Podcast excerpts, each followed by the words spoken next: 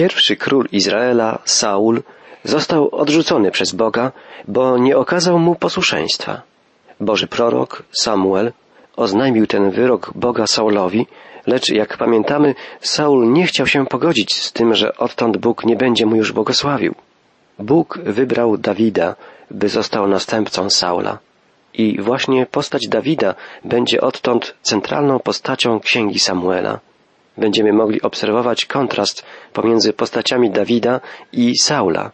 Bóg dał Saulowi wiele sposobności, by okazał się dobrym i posłusznym mu królem, ale Saul zawiódł. Jego pobożność była powierzchowna, płytka. Tak naprawdę Saul nie znał Boga, nie postępował zgodnie z jego poleceniami, realizował swoją wolę, postępował według własnego uznania. Dzisiaj każdy z nas musi przechodzić przez próby, by okazało się, czy jest w nas pragnienie, by być posłusznymi Bogu, by realizować Jego wolę. W liście Jakuba czytamy Błogosławiony mąż, który wytrwa w pokusie, gdy bowiem zostanie poddany próbie, otrzyma wieniec życia, obiecany przez Pana tym, którzy go miłują. W liście do Hebrajczyków czytamy Kogo miłuje Pan, tego karze. Chłoszcze każdego, którego przyjmuje za syna. Tak, Bóg poddaje próbom tych, których kocha.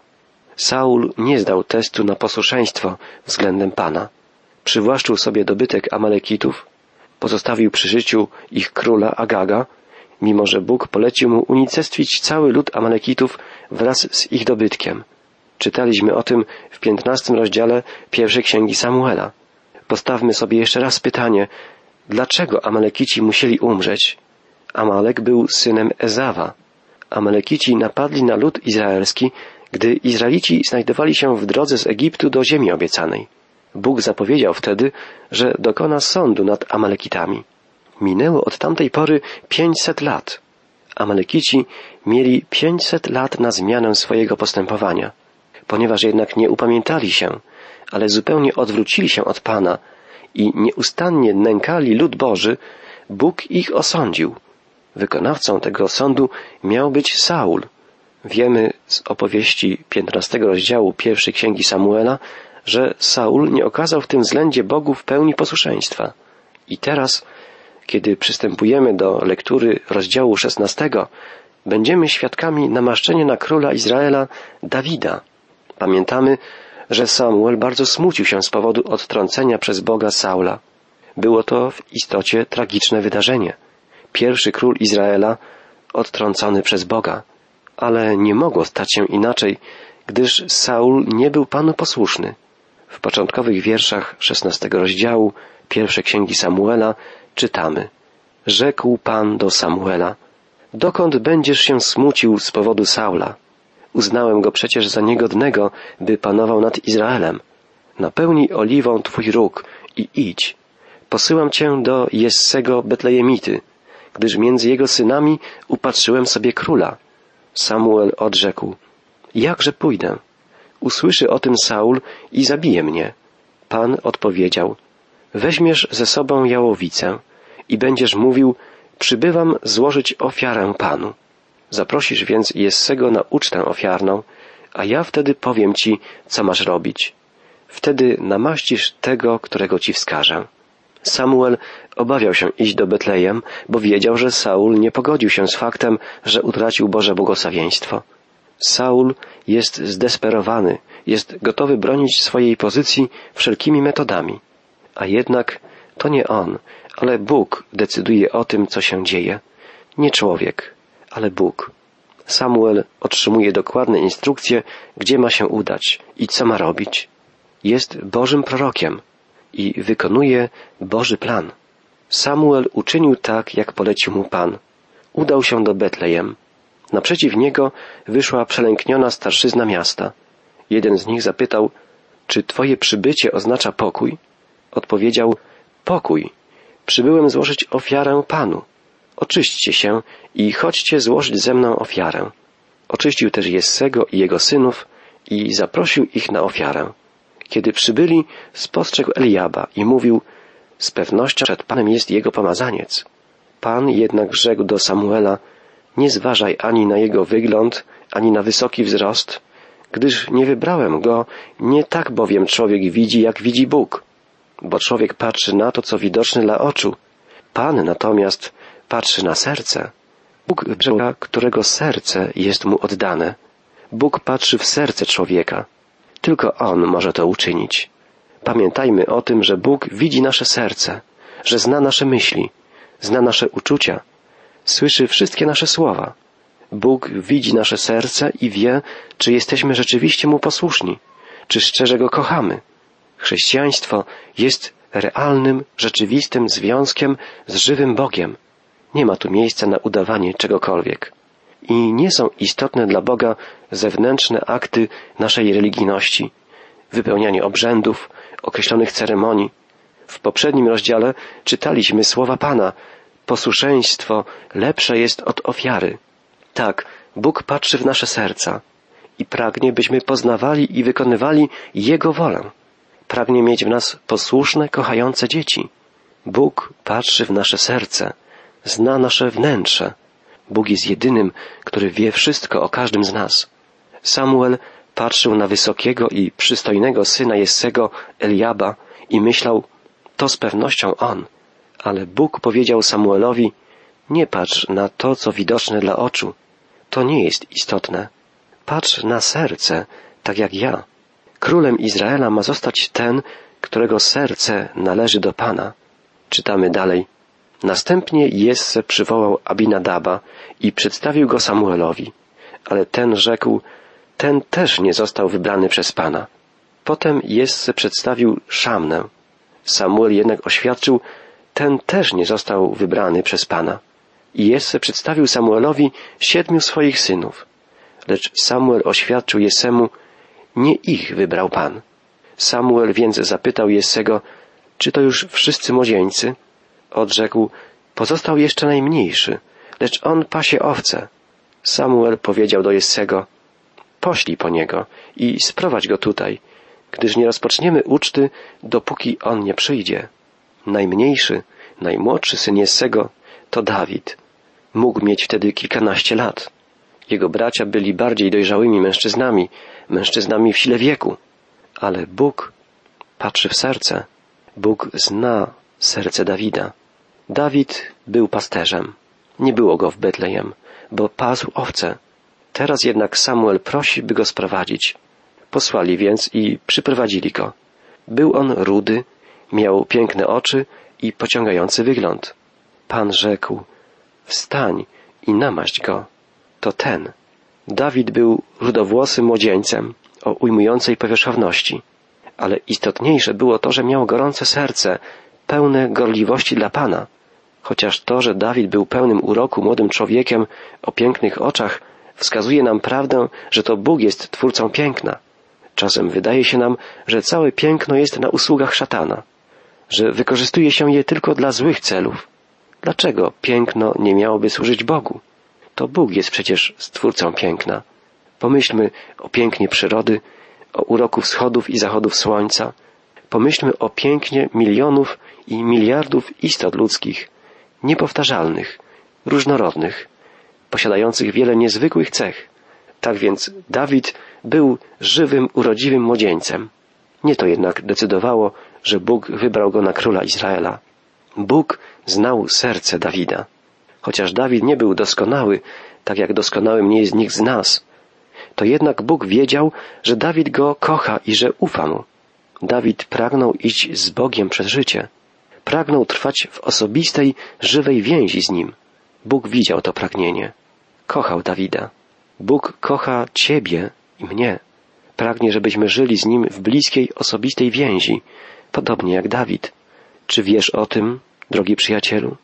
Dawida sprowadzono więc do domu ojca i tam, w obecności całej rodziny, Samuel namaścił go na króla Izraela. Czytamy o tym w trzynastym wierszu szesnastego rozdziału pierwszej księgi Samuela. Wziął więc Samuel róg z oliwą i namaścił go pośrodku jego braci. Począwszy od tego dnia, duch pański opanował Dawida. Samuel zaś udał się z powrotem do Rama. Gdy Samuel namaścił Dawida oliwą, duch Pana zstąpił na niego i odtąd prowadził go, kierował nim. Duch Boży Opuścił natomiast Saula. Czytamy dalej. Saula opuścił duch Pana, a opętał go duch zły, zesłany przez Pana. Odezwali się do Saula jego słudzy, oto dręczy cię duch zły, zesłany przez Boga. Daj więc polecenie, Panie nasz, aby słudzy Twoi, którzy są przy Tobie, poszukali człowieka dobrze grającego na cytrze. Gdy będzie Cię męczył zły duch, zesłany przez Boga, zagra Ci i będzie Ci lepiej. Gdy Saula opuścił duch pański, opętał go duch zły, zesłany przez Pana, w tym sensie, że Bóg jest przyczyną pierwszą wszelkiego działania, wszystkiego, co się dzieje. Gdy Duch Boży przestał chronić Saula z powodu jego nieposłuszeństwa, Saula opanował zły duch. Znalazł się ten człowiek pod bezpośrednim wpływem działania szatana. Jakże wielkie to ostrzeżenie dla każdego człowieka. Saul opanowany został jakimś rodzajem schorzenia psychicznego, co dostrzegali ludzie z jego otoczenia. Piękna muzyka uspokaja. Słudzy Saula proponują więc nieszczęsnemu królowi, by sprowadził na swój dwór kogoś, kto umie grać na cytrze. Saul odrzekł sługom. Dobrze, wyszukajcie mi człowieka, który by dobrze grał i przyprowadźcie go do mnie. Na to odezwał się jeden z dworzan. Właśnie widziałem syna Jessego Betlejemity, który dobrze gra. Jest to dzielny wojownik, wyćwiczony w walce, wyrażający się mądrze, mężczyzna piękny, a Pan jest z nim. Saul wyprawił więc posłańców do Jessego, by powiedzieli, przyślijcie mi twego syna, Dawida, który jest przy owcach. Jesse wziął pięć chlebów, bukłak wina oraz jednego koziołka i przez swego syna Dawida posłał to Saulowi. Dawid przybył do Saula i przebywał z nim. Saul pokochał go bardzo. Dawid stał się jego giermkiem. Kazał więc Saul powiedzieć przez posłańców Jessemu, chciałbym zatrzymać u siebie Dawida, gdyż mi się spodobał. A kiedy zły duch zesłany przez Boga napadał na Saula, brał Dawid cytrę i grał. Wtedy Saul doznawał ulgi, czuł się lepiej, a zły duch odstępował od niego. Dowiedzieliśmy się, w jaki sposób Dawid znalazł się w najbliższym otoczeniu Saula. Dawid był niezwykle utalentowanym człowiekiem. Znając treść jego psalmów, możemy wyobrazić sobie, jak piękne musiały być melodie, które stanowiły oprawę muzyczną do nich. Szkoda, że nie możemy poznać tej muzyki. Działała ona kojąco na Saula. Saul pokochał Dawida, potrzebował Dawida i zatrzymał go w swoim najbliższym otoczeniu. Na dworze królewskim zapanowała więc niezwykła sytuacja. Oficjalnie urzędujący król, odrzucony jednak przez Boga, przebywał tam wraz z młodym Dawidem, giermkiem królewskim, namaszczonym już przez Bożego proroka Samuela na króla. Tylko Bóg wiedział, jaka jest rzeczywista sytuacja na dworze królewskim Izraela. Chociaż lud Boży jeszcze o tym nie wiedział, miał już nowego króla, Dawida. Siedemnasty rozdział pierwszej księgi Samuela opisuje wydarzenie, które spowodowało, że Dawid uzyskał sławę i popularność wśród ludu, a z drugiej strony sprawiło, że Saul zaczął zazdrościć Dawidowi i odtąd usiłował go zgładzić. Walka Dawida z Goliatem jest jednym z najbardziej znanych wydarzeń opisanych w Biblii. Dawid wystąpił do walki z olbrzymim Goliatem nie dlatego, że natrząsał się on z wojowników izraelskich, ale dlatego, że szydził z samego Boga. Gdy Dawid stanie przed Goliatem, by walczyć, powie, Ty idziesz na mnie z mieczem, ja zaś idę na Ciebie w imię Pana zastępów. Rozpocznijmy jednak od początku.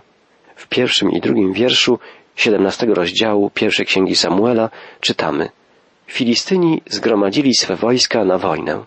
Zebrali się w Soko, leżącym w ziemi Judy, a obóz rozbili między Soko i Azeka niedaleko od Efes Damnim.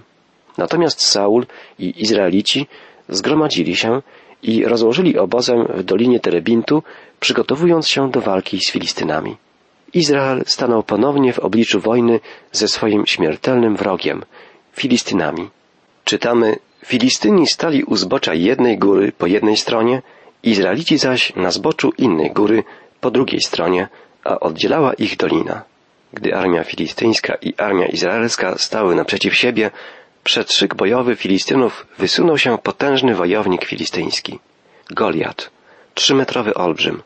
Rozmiarami swojego ciała i swojego oręża budził przerażenie w szeregach izraelskich. Goliat urągał Izraelitom i wyzywał ich do walki. Jednak nikt z Izraelitów nie chciał wystąpić przeciwko olbrzymowi. Na wszystkich, włącznie z Saulem, padł strach. Wśród żołnierzy izraelskich byli trzej starsi synowie Jessego, bracia Dawida. Sam Dawid opiekował się stadami owiec. Jednak pewnego dnia został wysłany przez swego ojca do braci z prowiantem. Dawid zobaczył wtedy Goliata. Patrzył na niego jak na szydercę. Oburzało go to, że nikt z Izraelitów nie miał odwagi się mu przeciwstawić. Przecież wodzem armii izraelskiej jest żywy Bóg. Dawid postanawia walczyć z Goliatem. Ta wiadomość dociera do króla Saula, który rozkazuje go przyprowadzić. Czytamy od 32 wiersza 17 rozdziału. Rzekł Dawid do Saula, niech pan mu się nie trapi. Twój sługa pójdzie stoczyć walkę z tym Filistynem. Saul odpowiedział Dawidowi, to niemożliwe, byś stawił czoło temu Filistynowi i walczył z nim. Ty jesteś jeszcze chłopcem, a on wojownikiem od młodości. Odrzekł Dawid Saulowi, kiedy sługa twój pasał owce u swojego ojca, a przyszedł lew lub niedźwiedź i porwał owcę ze stada, wtedy biegłem za nim, uderzałem na niego i wyrywałem mu ją z paszczęki. A kiedy on na mnie napadał, chwytałem go za szczękę, biłem i uśmiercałem. Sługa twój kładł trupem lwy i niedźwiedzie. Nieobrezany Filistyn będzie jak jeden z nich, gdyż urągał wojskom Boga żywego. Powiedział jeszcze Dawid, Pan, który wyrwał mnie z łap lwów i niedźwiedzi, wybawi mnie również z ręki tego Filistyna. Rzekł więc Saul do Dawida, idź, niech Pan będzie z tobą. Widzimy, że Dawid całkowicie ufa Bogu i wie, że Bóg jest w stanie dać mu zwycięstwo w walce z olbrzymim Goliatem. Widząc wiarę Dawida, Saul zgadza się na to, by Dawid wystąpił przeciwko Goliatowi. Proponuje nawet, żeby Dawid ubrał się w jego zbroję. Dawid przymierzył zbroję Saula, ale była ona za duża na niego. Poza tym Dawid nie przywykł do używania miecza ani zbroi. Zdecydował się więc na walkę z użyciem procy, bo tę broń umiał wykorzystać perfekcyjnie. Jest tu zawarta ważna dla nas duchowa lekcja. Bóg wyposaża nas w różne zdolności, różne talenty i umiejętności. Obdarza nas też duchowymi darami łaski, które mają pomóc nam w wypełnianiu zadań, które On nam stawia. I powinniśmy z wielkim zaangażowaniem właśnie te talenty, te Boże dary, te umiejętności wykorzystywać w swoim życiu i w służbie. Nieraz stajemy w życiu przed tak trudnymi problemami, wyzwaniami, że przypominają one ogromnego olbrzyma. Wydawałoby się nie do pokonania. I rzeczywiście o własnych siłach nie bylibyśmy w stanie zwyciężyć. Ale Bóg, obdarzając nas określonymi umiejętnościami, talentami i darami, uzdalnia nas do pokonania każdej przeszkody. Apostoł Paweł napisał, jeśli Bóg z nami, któż przeciwko nam? Dawid wystąpił przed szeregi izraelskie, a Goliat przed linią wojsk filistyńskich. Czytamy, Dawid zawołał, Ty idziesz na mnie z mieczem, dzidą i zakrzywionym nożem, ja zaś idę na Ciebie w imię Pana zastępów, Boga wojsk izraelskich, którym urągałeś. Dziś właśnie odda Cię Pan w moją rękę. Pokonam Cię i utnę Ci głowę. Dziś oddam trupy wojsk filistyńskich na żer ptactwu powietrznemu i dzikim zwierzętom. Niech się przekona cały świat, że Bóg jest w Izraelu. Niech wiedzą wszyscy zebrani, że nie mieczem ani dzidą Pan ocala, ponieważ jest to wojna Pana. On więc odda was w nasze ręce. Dawid widzi oczyma wiary zwycięstwo, jeszcze zanim zaczął walkę. Wiedział, że Bóg już wiele razy w historii Izraela zadawał klęskę wrogom i w cudowny sposób chronił swój lud. Dawid ufa Panu, że i tym razem pobłogosławi on lud izraelski i wypowiada słowa wiary głośno przed Goliatem i przed całą armią filistyńską. I oto, gdy wstał Filistyn, szedł i zbliżał się coraz bardziej ku Dawidowi, Dawid również pobiegł szybko na pole walki naprzeciw Filistyna.